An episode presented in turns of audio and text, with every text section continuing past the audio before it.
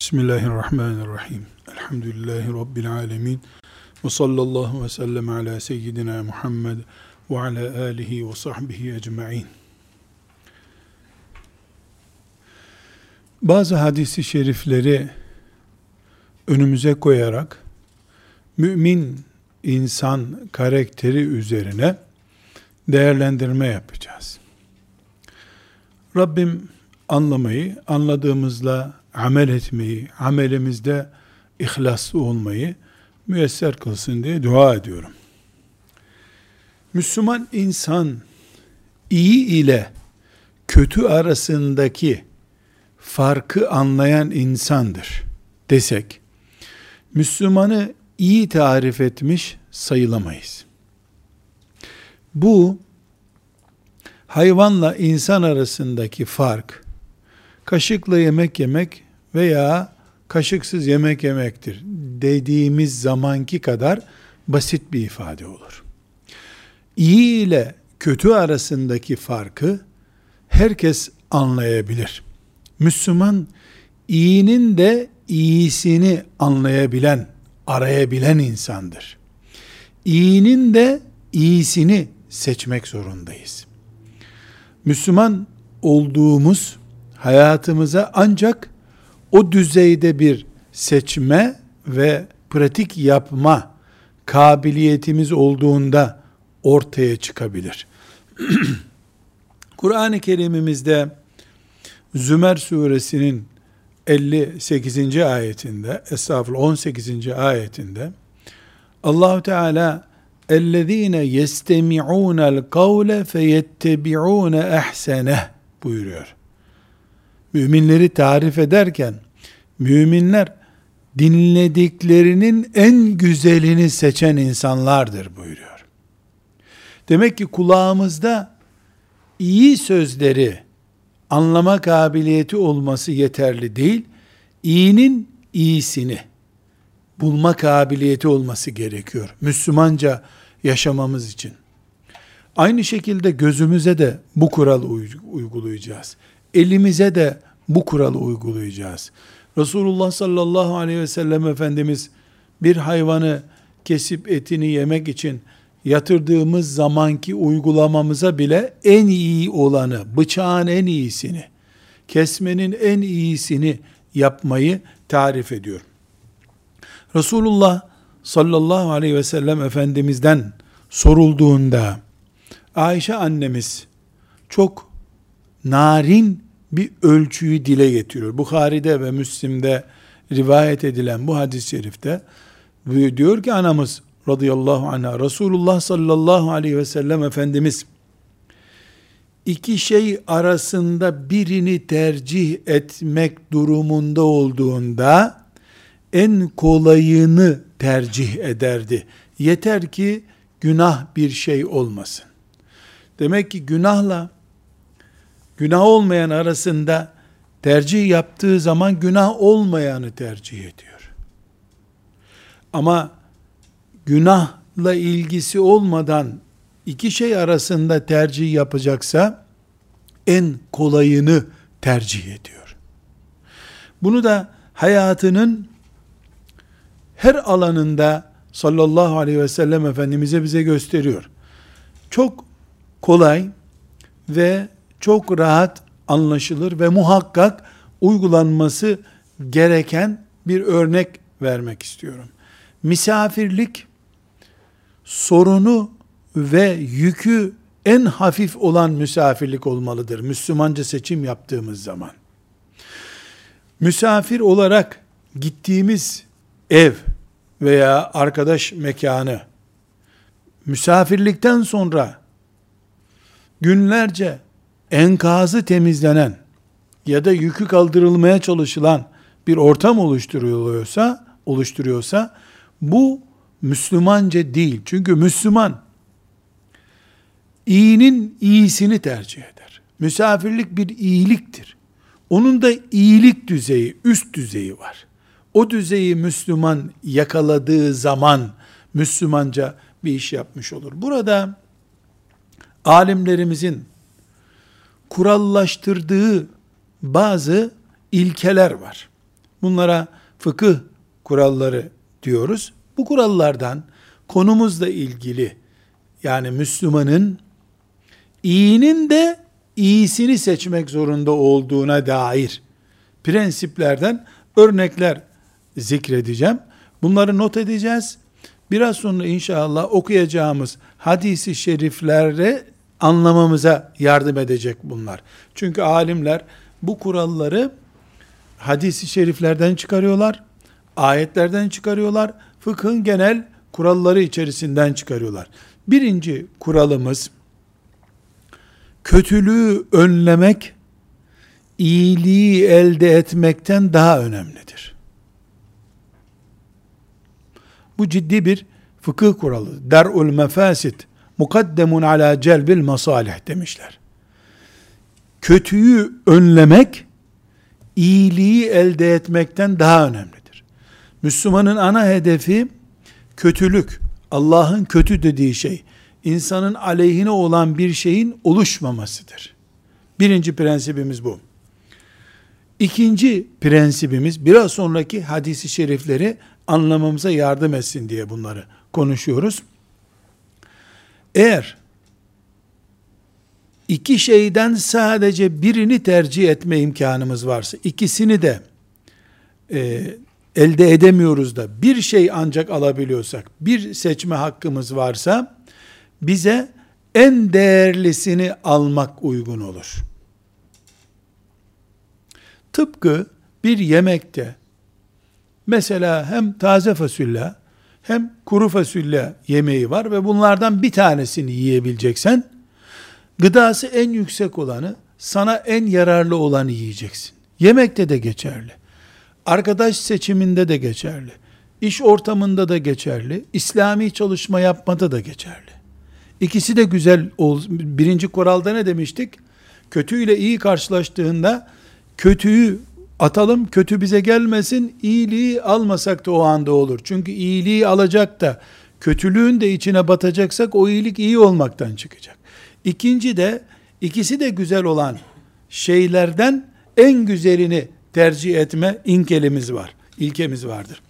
Üçüncü prensip denmiştir ki bunları daha sonra hadis-i şeriflerde nasıl uygulandığını göreceğiz. Umumun menfaatini bireyin menfaatine tercih ederiz. Bir Müslüman yararlanacak ya da bütün Müslümanlara yararlanacak. Müslümanların bütününü ter- tercih ederiz. İki zarardan bir e, dördüncü kuralımız, iki zarardan birini muhakkak kabul edeceksek, en hafif olanını kabul ederiz. Mesela hastamız ameliyatla da düzeliyor, ilaçla da düzeliyor. İlaçla uzun vadede düzeliyor ise ameliyat e, ilaçlı tedaviye göre daha büyük bir risk, narkoz yiyecek, ilaçlı tedaviyi tercih ediyoruz. Veya Müslümanlar olarak despot bir sistemde yaşamak veya demokratik bir sistemde yaşamak arasında tercih yaptığımız zaman can ve mal güvenliğini sıfırlayan despot bir sistemde yaşamaktansa her ne kadar ikisi de Kur'an sistemi olmasa da demokratik bir sistemi tercih ederiz. Çünkü o sistemde en azından can güvenliğimiz sağlanıyor diye umut ederiz. Bunlar kurallar. Bir başka kuralımız, beşinci kural, bir kötülüğü önlemek için başka bir kötülük yapılamaz. Yani bir kötülük var ortada. Bunu önlemek istiyorsun. Önlemek için de yapabileceğin şey o kötülüğün bir benzerini yapmak. Yani bu kötüyü kötüyle gidermek olmaz şeklinde bir prensiple gideriliyor. Burada bir e, beşinci, altıncı kuralımız Müslüman insan bir zaruretle karşılaştığında bu zarureti Allahu Teala'nın ruhsat sebebi sayabilir. Ama ne kadar? Zaruret oranı kadar. Mesela ayakta namaz kılmayı Rabbimiz emretmiştir. Ayakta namaz kılmaya filan bel ağrısından dolayı kudreti olmayan birisi oturarak namaz kılabilir. Secdeyi yapabiliyorsa secdeyi yapabilir. Rükûyu yapabiliyorsa rükûyu yapabilir. Bir kere bir ruhsat aldık diye yatarak namaz kılamaz. Çünkü bel ağrısından dolayı mesela veyahut da secdeden kalkarken tansiyonu düştüğü için e, başı dönüyor ve düşüyor yere gibi bir özürden dolayı ayakta kılmasına bir zaruret nedeniyle e, ara verebilir dediysek bu bütün ibadetlerini böyle yapabileceği anlamında değil. Mesela oruçtan dolayı zaruret fetvası alan bir Müslüman bunu kalkıp da bütün namaza da hacca da uygulayamaz. Oruçla ilgili bir zaruretti bu. Yani zaruretimiz beraberinde getirdiği ruhsatı eş değerde tutturuyor. Biz mesela gözümüzle ilgili bir ruhsat aldık. Yüzümüzle ilgili abdeste bir ruhsat aldık. Kollarımızı da yıkamayalım diyemeyiz. Siyasette de böyle. Ticarette de böyle. Yani Müslüman mesela belli bir rakamın üstünde ticari bir iş yapabilmesi için ödemenin bankaya yapılması lazım. Devlet böyle bir kural koymuş. Başka türlü Müslüman ticaret yapamıyor. Mesela bir otomobil satın alabilmen için rakam yüksek, bu yüksek rakamı bankaya yatırmadıkça devlet sana otomobil aldın demiyor. Faturasını kestirtmiyor. Burada bir zaruret var mı? Var. Parayı götürüp bankaya yatırıyorsun. Ee, satıcı da filan bankaya istiyorum diyor. Faizli bir bankaya yatırıyorsun. Ama bu senin sadece araba satın almak için bankaya para yatırabilmenle sınırlı bir noktada tutuyor seni. Bunu kalkıp da hesap açtırıp orada e, kar getirsin, işim olsun diye bir genişlettiğin zaman Müslümanca bir iş yapmış olmuyorsun.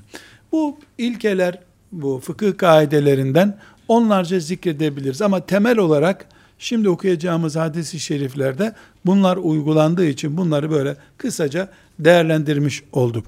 Şimdi hadisi şerifler okuyor. Bu hadisi şerifleri Resulullah sallallahu aleyhi ve sellem Efendimiz günlük hayatımıza e, uyarlamada bize nasıl örnek olduğunu göreceğiz. Ama ilkemiz şu, Resulullah sallallahu aleyhi ve sellem iyi olsun ne olursa olsun buyurmamış. İyinin de iyisini aramış. Aslında ikisi de doğru olan şeylerden, ikisi de yapılabilir olan şeylerden zamana göre, mekana göre, kişiye göre en iyisini seçmiş. Ee, Bukhari'de 3004. Müslim'de de 2549. hadisi şerif çokça duyduğumuz bir hadistir. Abdullah İbni Amr radıyallahu anhuma rivayet ediyor. Adamın birisi Resulullah sallallahu aleyhi ve selleme geldi. Ben de cihada katılayım, orduya katılayım diye izin istedi. Resulullah sallallahu aleyhi ve sellem de senin anan baban sağ mıdır diye sordu. O da evet ya Resulallah annem babam sağdır buyurdu dedi. Efendimiz sallallahu aleyhi ve sellem ona verdiği cevap çok açık. Fefihime fecahit. Sen git onlarla cihad et. Yani onların hizmetinde cihad et buyurdu. Şimdi iki konumuz var. Allah Resulü sallallahu aleyhi ve sellemle beraber cepheye gidip cihad etmek. Anneye, babaya hizmet etmek. Biri Kur'an'ın bir ayetinde geçiyor, öbürü Kur'an'ın öbür ayetinde geçiyor. İkisi de Allah'ın emri. İkisini de mümin yaptığında sevap kazanacak. İkisi de yapmadığı zaman günaha gireceği işlerden. Adam gelmiş çok açık bir şekilde Resulullah sallallahu aleyhi ve sellem Efendimiz'e ben bu orduya katılmaya izin istiyorum demiş. Efendimiz sallallahu aleyhi ve sellem onun anne ve babası hakkında bir tereddüdü var. Anne ve babasının sağ olup olmadığını soruyor. Evet sağ diyor. Git anne babana hizmet et senin cihadın odur anlamında onu uyarıyor. Burada ne yaptı Efendimiz sallallahu aleyhi ve sellem? İki farzdan birini o kişi adına tercih etti. Ve yönlendirdi. Ama neyi yönlendirdi? Çünkü anneye babaya iyi davranmak, hizmetlerini yapmak o kişi için farzı ayın bir ibadet.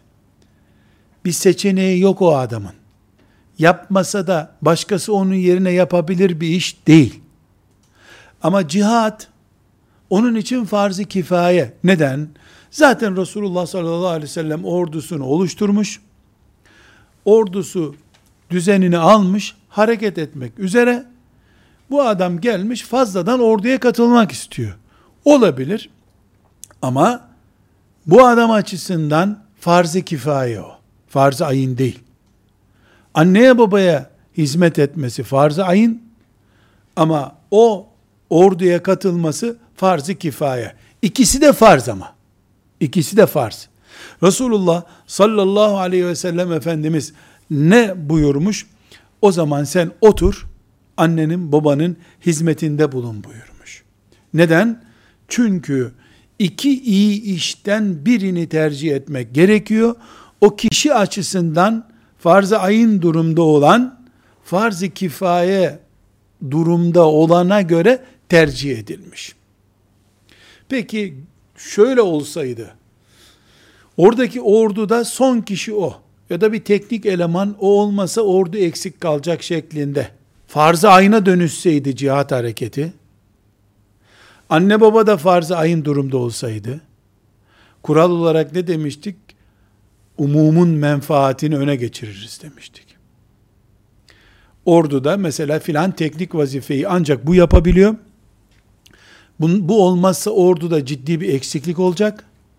E farz ayın oldu ona bu görev. Ondan başkası yapamıyor bunu. O zaman anne baba da farz ayın olsa da ikinci bir tercih noktamız birinde Müslümanların umumunun ihtiyacı var. Öbüründe de iki tane anne babanın ihtiyacı var. Umumun ihtiyacını öne geçiriyoruz.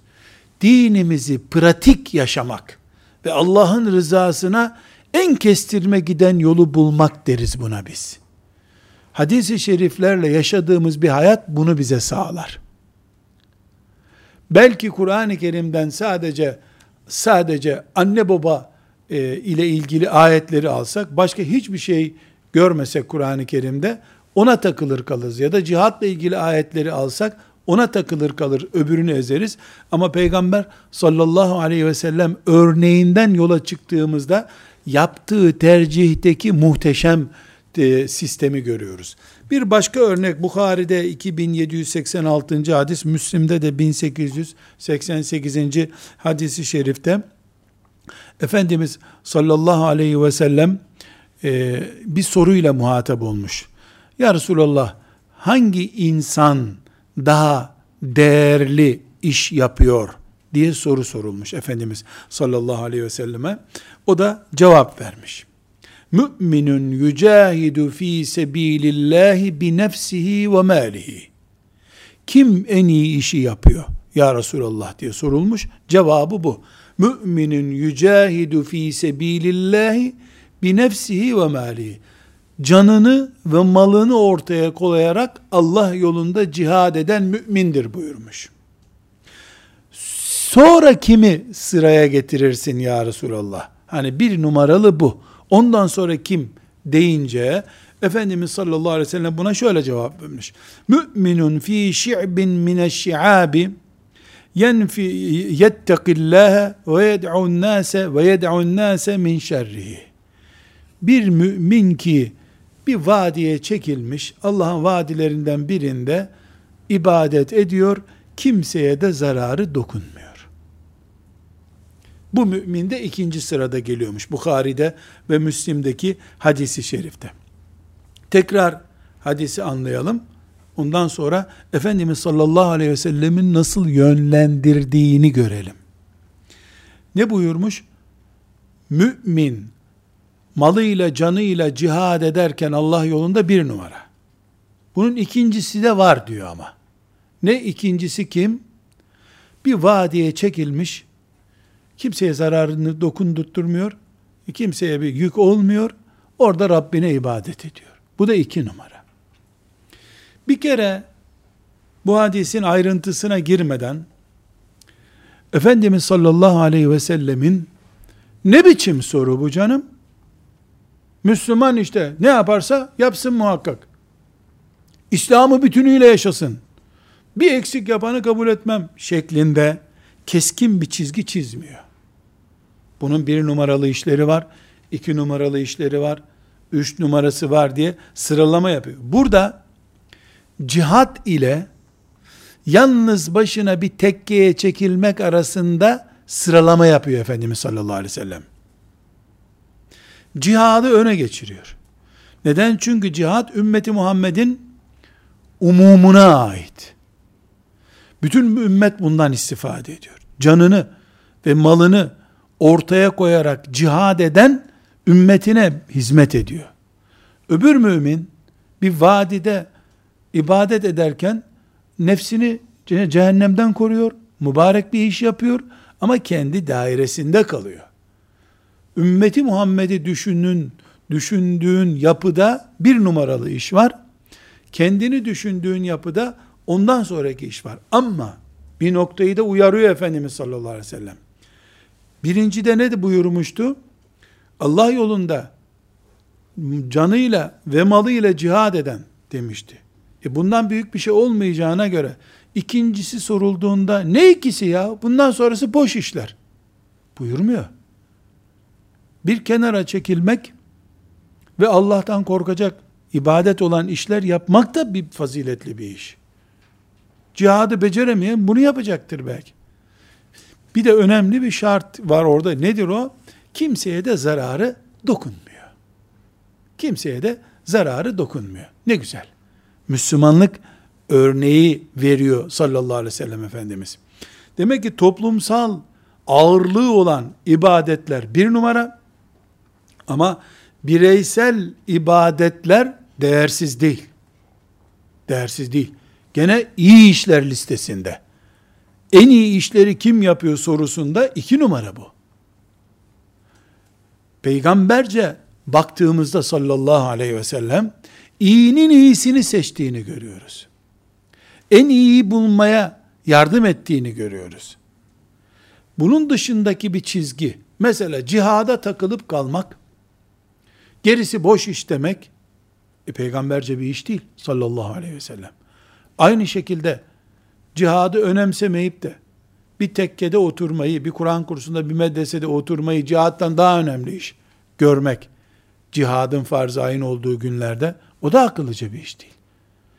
Din, Resulullah sallallahu aleyhi ve selleme geldi. Bu dini beyan etmek, açıklamak vazifesi onun vazifesidir. O da böyle açıklıyor. Bukhari'nin ve Müslim'in rivayet ettiği hadis-i şeriflerde. Müslim'in 332. E, hadisi şerifini burada zikredeceğiz. Yine Ayşe anamızdan bir rivayet. Resulullah sallallahu aleyhi ve sellem Efendimizin hanımı, müminlerin anası ve ilk muallimlerimizden. Çünkü Peygamber sallallahu aleyhi ve sellem'den öğrendiği dini bize aktardı. Allah ondan razı olsun. Diyor ki, Ensar kadınları ne değerli iş yaptılar. Ensar kadınları ne değerli iş yaptılar. Haya duyguları din konusunda soru sormalarına engel olmadı. Çok zor bir e, formül değil. Böyle cümleden korkmayalım. Ensar kadınlarını övüyor Ayşe anamız. Medineli kadınları. Niye övüyor? Utanıp da ben bu soruyu sormayayım ayıptır demediler diyor. İki iş var burada. Bir, haya duygusu. İki, ilim öğrenme duygusu.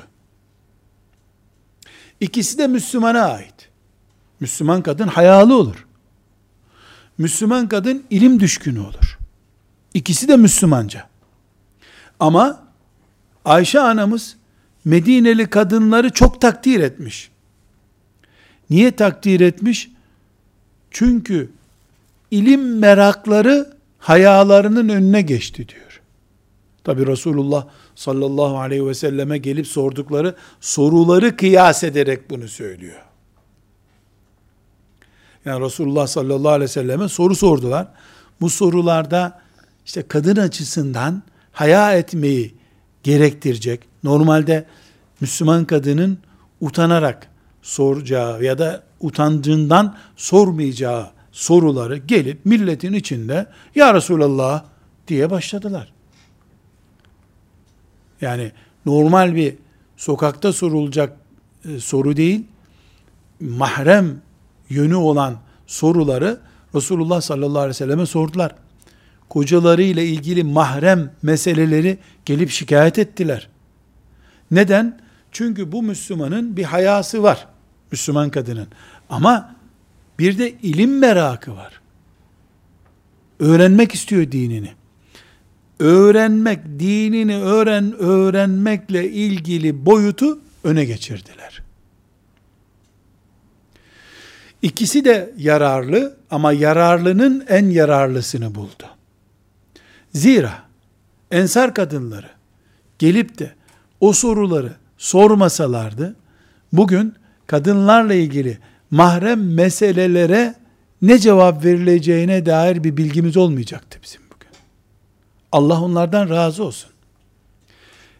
Dini öğrenme hissiyatları utanma, haya hissiyatlarının önüne geçti. Haşa, bu onlarda haya kıtlığı manasına değil. Böyle bir şey olmaz. Bu konuşulamaz da. Hayaları zaten var. Ama iyinin iyisini öne geçirdiler. Utanıp kalsalardı, dinlerinde cahil kalacaklardı. Ve ahirette utanacaklardı bu sefer.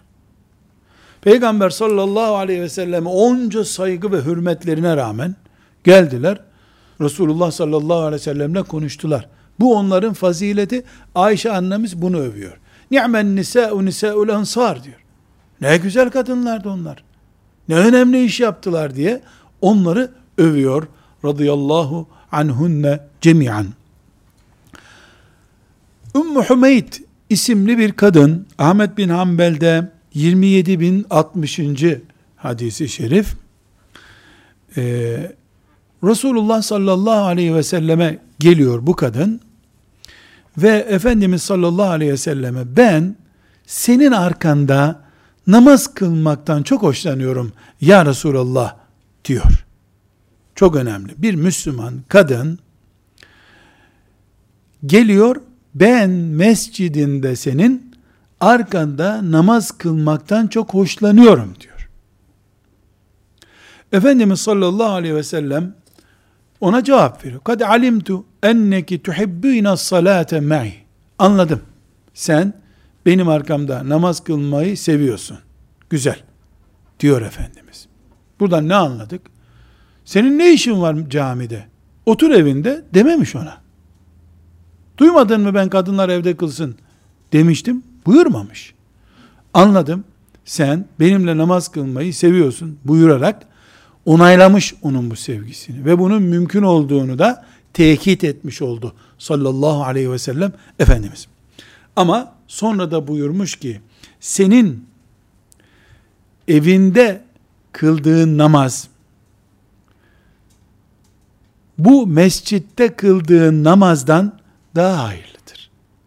Hatta büyük bir bahçeli bir evin bahçesinde kıldığın namaz, o bahçeden içerideki salonda kıldığın namaz, o salonun da içinde senin özel e, yatak odanın içinde kıldığın namaz arasında da kıyaslama yapmış Efendimiz sallallahu aleyhi ve sellem. Ee, sonra da buyurmuş ki en yani evin bahçesinde bir kılıyorsun, biraz daha daraltıyorsun, evin salonunda kılıyorsun, salon bahçeye göre daha korumalı, kendi özel odana geçiyorsun, o daha da korumalı.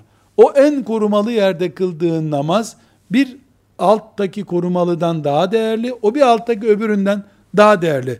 Sonra da buyurmuş ki senin o mahallende kıldığın namaz benim mescidimde kıldığın namazdan daha hayırlıdır buyurmuş.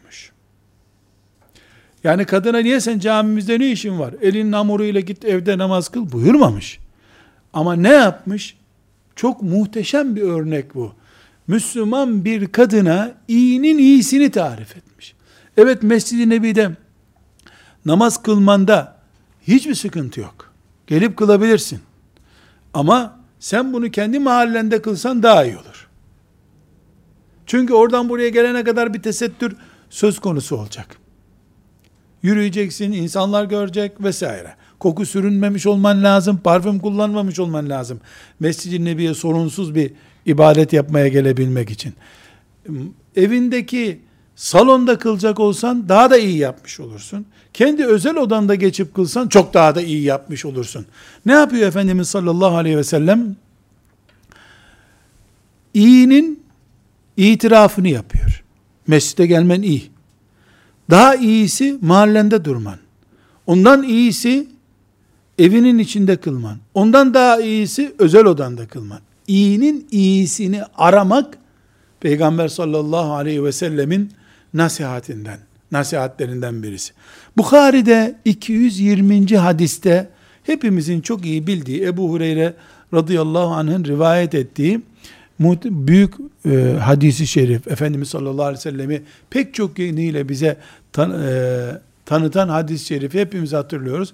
Bedevinin biri geliyor Resulullah sallallahu aleyhi ve sellem Efendimizin huzuru şerifinde onun bulunduğu bir ortamda Mescid-i Nebi'de idrarını yapıyor.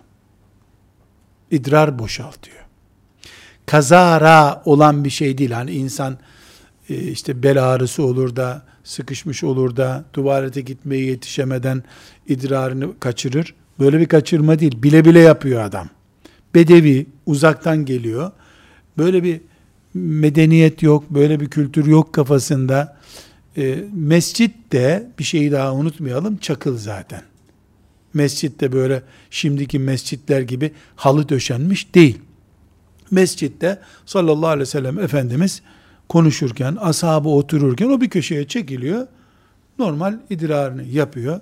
Hepimizin bildiği şekilde ashab-ı kiram kalkıp adamı hırpalamak istiyorlar. Yani iki büyük suç var burada. Peygamber Efendimiz sallallahu aleyhi ve sellem huzurunda böyle bir şey yapmak delilik. E, peygamberin namaz kıldığı mescitte böyle bir şey yapmak. Yani mescit dediğin bir kilometre karelik bir alan değil ki. 50 metre öteye gitsen mescitten uzaklaşmış olacaksın. Herkesin ortasında adam deli gibi bir şey yapıyor. Sahabe bunu e, ürkütmek veya dövmek istiyorlar artık ne yapmak istedilerse. Efendimiz sallallahu aleyhi ve sellem e, ciddi bir şekilde uyarıyor. Bırakın adamı diyor. Bırakın adamı diyor. Adamı bırakın bir kova su getirip o idrar yaptığı yere dökün temizlensin buyuruyor. Ve ashab-ı kiram öyle yapıyorlar. Bu olay mescide işemenin hükmü, idrarı temizlerken bir kova su yeter mi? Bir sürü ayrıntıyı beraberinde getiriyor. Fıkıh kitaplarında çok önemli bir bölüm bu. Hatta böyle çok e, bol vakti olanlar için bu adam istibra yaptı mı orada yapmadı mı acaba? Onu bile araştırıp inceleyebilirsin. Ama biz burada Resulullah sallallahu aleyhi ve sellem Efendimizin iki kötülükten biriyle karşılaştığında kötülükler arasında nasıl tercih yaptığını görüyoruz. Yanlışlar arasında birini nasıl tercih ettiğini görüyoruz. Birincisine Mescid-i Nebi'yi kirletmek. Bir cinayet bu. İkincisi, bu adam belli ki yeni Müslüman. Henüz tuvalet terbiyesi yok. Bu adam orada iyi bir dayak yese, akıllanıp gitmeyecekti. Dinini bırakıp gidecekti. Muhammed'in yüzünden dayak edim diyecekti. Çünkü bu adam, yaşadığı dağda, çölde, nerede çişi geliyorsa orada çişini yapan bir adam. Orada da o kültürünü devam ettirdi. Adamı dövmek, veya mescidin kirlenmesine razı olmak. İkisinden birini tercih etti Efendimiz sallallahu aleyhi ve sellem. Adamı kazanalım buyurdu. Mescidi temizleriz. Getirin buraya bir kova su dökün. O işten kurtulalım. Bu adama da nasihat edelim.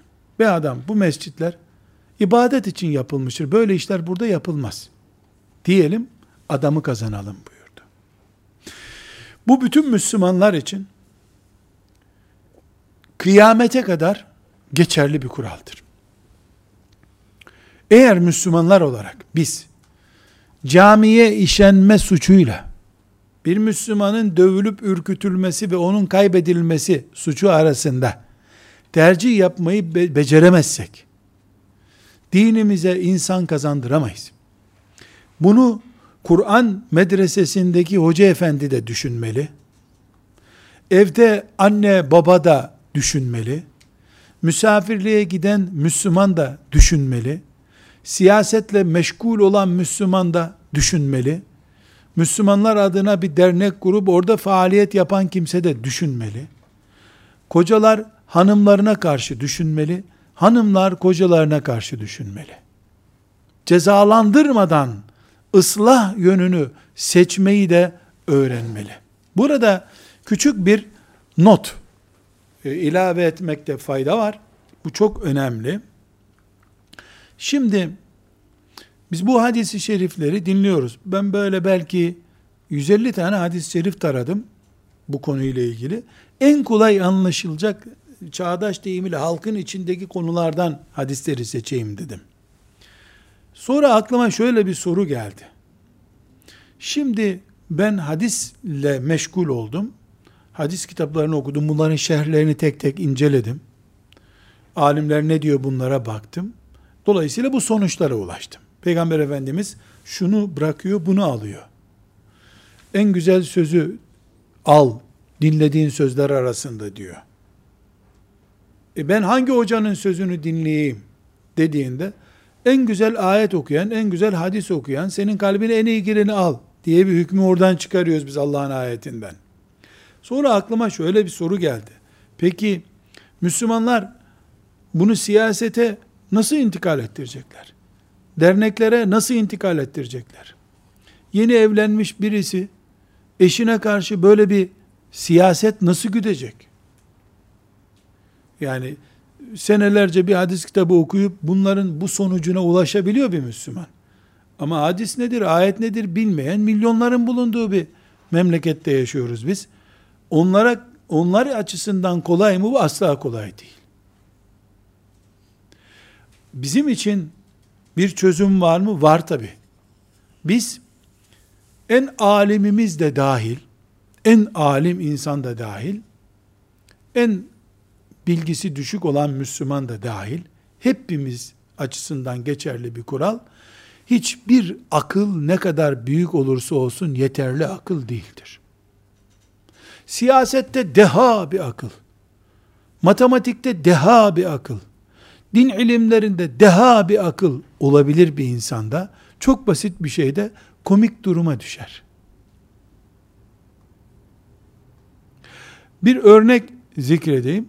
Büyük bir devletin Maliye Bakanı'nı e, gazeteciler kuşatmışlar. E, işte dünya ekonomisiyle ilgili konuşmuş, konuşmuş. Dünyada şöyle, petrol böyle olacak filan. Ya adam konuştuğu rakamlar e, sıfırı yüksek rakamlar konuşuyor. Gazetecinin biri e, bir şey sorabilir miyim demiş. Siz nerede yaşıyorsunuz? Filan şehirde. Ekmek kaç para bu şehirde demiş. Adam sağına soluna dönmüş bilen var mı diye. Her gün yediği ekmekle ilgili fiyatından haberi yok. Bu onun için ayıp mı? Ayıp değil. Adam bakan olduktan sonra bakkala gidip ekmek alacak hali yok herhalde. Ekmek fiyatını bilmemesi normal. Ama dünyada ekmek fiyatı diye bir şey var. Bunu bilmemesi normal değil. Fiyatları bilemeyebilir. Mesela Ekonomi Bakanı petrol fiyatlarını ayarlarken benzin şu kadar satılacak, mazot şu kadar satılacak derken şu anda kaç para sorusunun cevabını veremeyebilir. Hiçbirimizin aklı büyük olduğu için yeterli akıl değildir. Dolayısıyla biz ümmetiz. Birbirimizin aklını birleştirdiğimiz yerde başarılı oluruz. İmam-ı Azam'ı bile getirip koyduğun bir yerde yetersiz olabilir. Filan zirai meseleden anlamıyor olabilir. Ömer bin Hattab radıyallahu anh gibi mülhem bir insan bile şura meclisi olmadan bir yere gitmek istememiş. Ashab-ı Bedir'in Medine'den çıkmasını yasaklamış. Bu baskıcı bir insan olduğundan değil. Ben bu ümmeti nasıl idare edeceğim siz giderseniz demiş. Akıl var. İlham var. Allah'tan ilham geliyor. E adam Yani kendisi konuşunca hakkı konuşan birisi. Muhdes birisi. Ama e, yok öyle değil. Hiçbir insan kendi aklını yeterli bulmamalı. Akıllarımızın birleştirdiği yerde iyi insanlık var. Akıllarımızın bir arada olduğu yerde iyi Müslümanlık var deriz. Yoksa bu hadisi şeriflerden bu incelikleri nasıl çıkaracağız sorulduğunda tek başımıza çıkaramayabiliriz. Filan aleme muhtacız, filan pedagoga muhtacız. Keşke pedagoglarımız mesela bu mescide idrarını yapan insanla ilgili doktora tezi yapsalar. Kim bilir ne destanlar çıkar bundan. Tekrar e, hadis-i şeriflere dönelim bu kısa nottan sonra. Efendimiz sallallahu aleyhi ve sellemin hadislerinden Müslümana iyinin iyisini seçmeyi nasıl öğrettiğini görüyoruz. Kötü sonuçlar arasında en az kötüyü bulmayı nasıl öğrettiğini görüyoruz. Bukhari'de 126. hadisi şerif. E, bu da çok önemli. Bilhassa e, bir dernek, bir vakıf başkanı olan, yani insanlara yönelik penceresi olan bir kurumda iş yapanlar için çok önemli. Mekke fethedildikten sonra Efendimiz sallallahu aleyhi ve sellem Kabe ile ilgili bir düşüncesi olmuş. Çünkü Kabe bugün kare gibi duruyor. Tam kare gibi değilse de kare gibi duruyor. E, halbuki İbrahim Aleyhisselam yaptığında dikdörtgen gibiymiş. Çift kapılı. Daha farklıymış. Efendimiz sallallahu aleyhi ve sellem bunu değiştirmeyi düşünmüş. İbrahim Aleyhisselam'ın yaptığı şekilde yapmayı düşünmüş. Fakat bunu yapmamış. Ayşe annemiz de bir muhabbeti esnasında da buyurmuş ki, Ayşe demiş, Kabe'yi dedem İbrahim'in ilk yaptığı şekilde yenilemek istiyorum. O da buyurmuş ki ya Resulallah kim engel olacak ki buyur yap. Buyurmuş ki öyle değil. İnsanlar yeni Müslüman oldular daha. Ben Kabe'ye müdahale edersem Muhammed eline güç gelince Kabe'yi bile yıktı derler dedi. Onun için böyle kalsın buyurmuş. Burada neyi görüyoruz? Efendimiz sallallahu aleyhi ve sellem iki sorunla karşılaşıyor. Birincisi Kabe'nin İbrahim Aleyhisselam'ın yaptığı şekilde olmayışı cahiliye Arapları fazla ahşap bulamadıkları için Kabe'yi öyle küçük yapmışlar bir selde yıkıldıktan sonra. Aslı öyle değil. Bu bir sorun. Başka bir sorun, insanlar henüz Resulullah sallallahu aleyhi ve sellem ne yaparsa yapsın, isterse Kabe'yi yıksın, diyecek durumda değiller. Bu birikimleri yok insanların. Kabe yıkıldığında bir sürü insan Resulullah sallallahu aleyhi ve sellem'den bile şüphe edecek. Dedikodu üretecek. Gereksiz yere bir fitne kazanı kaynayacak. Ne buyurmuş sallallahu aleyhi ve sellem? Bu fitneye sebep olmaktansa böyle kalsın buyurmuş. İyinin iyisini tercih ettiğimiz gibi kötünün de hafif olanını tercih etmemizin örneği bu. Bir başka e, hadisi şerifi Müslim'de 1913. E, hadisi şerif olarak Selman radıyallahu anh'tan dinliyoruz. Efendimiz sallallahu aleyhi ve sellem e, Allah yolunda ribattan söz ediyor. Ribat cephede nöbette olmak demektir. Cephede, nerede cephe varsa, e, filan sınır kapısında cephe olur, denizde bir gemide nöbetçi olur, mücahit, veya bir medresede bulaşıkçı olur. O da ribattır. Eğer medreselerin senin veya siyasi görev aldığın yerin cihat konumunda ciddi bir yerse oradaki konumun ribat konumudur ve sen murabıtsın. Efendimiz sallallahu aleyhi ve sellem bu sahih hadis-i şerifte murabıt yani ribat görevini yapan Müslümanı tarif ederken buyuruyor ki ribatu yevmin ve leyletin hayrun min siyami şehrin ve kıyamihi. Bir gün bir gece yani ne diyoruz biz buna? 24 saat ribat nöbeti tutmak bir ay oruç tutup gece sabaha kadar namaz kılmaktan daha hayırlıdır. Ve sadece ribat görevini yapan Müslümana ait bir ayrıcalık, e, bir Müslüman ribat görevinde iken vefat ederse, eceli geldiği için veya işte düşman e, saldırısında vefat ederse, o Müslümanın ameli kıyamete kadar devam ediyor yazılır. Allah rızkını, çoluk çocuğun rızkını tekeffül eder ve ölürken ribat görevini yapan mümin ölürken ölüm fitnesiyle karşılaşmaz. Yani iman tehlikesi görmez buyuruyor. İki şeyi karşılaştırıyor sallallahu aleyhi ve sellem Efendimiz. Ribat görevini nöbet tutuyor mümin ve bir ay oruç tutup gece namaz kılmayı. İkisi de Allah'a itaat. İkisi de cennete sokan sebeplerden.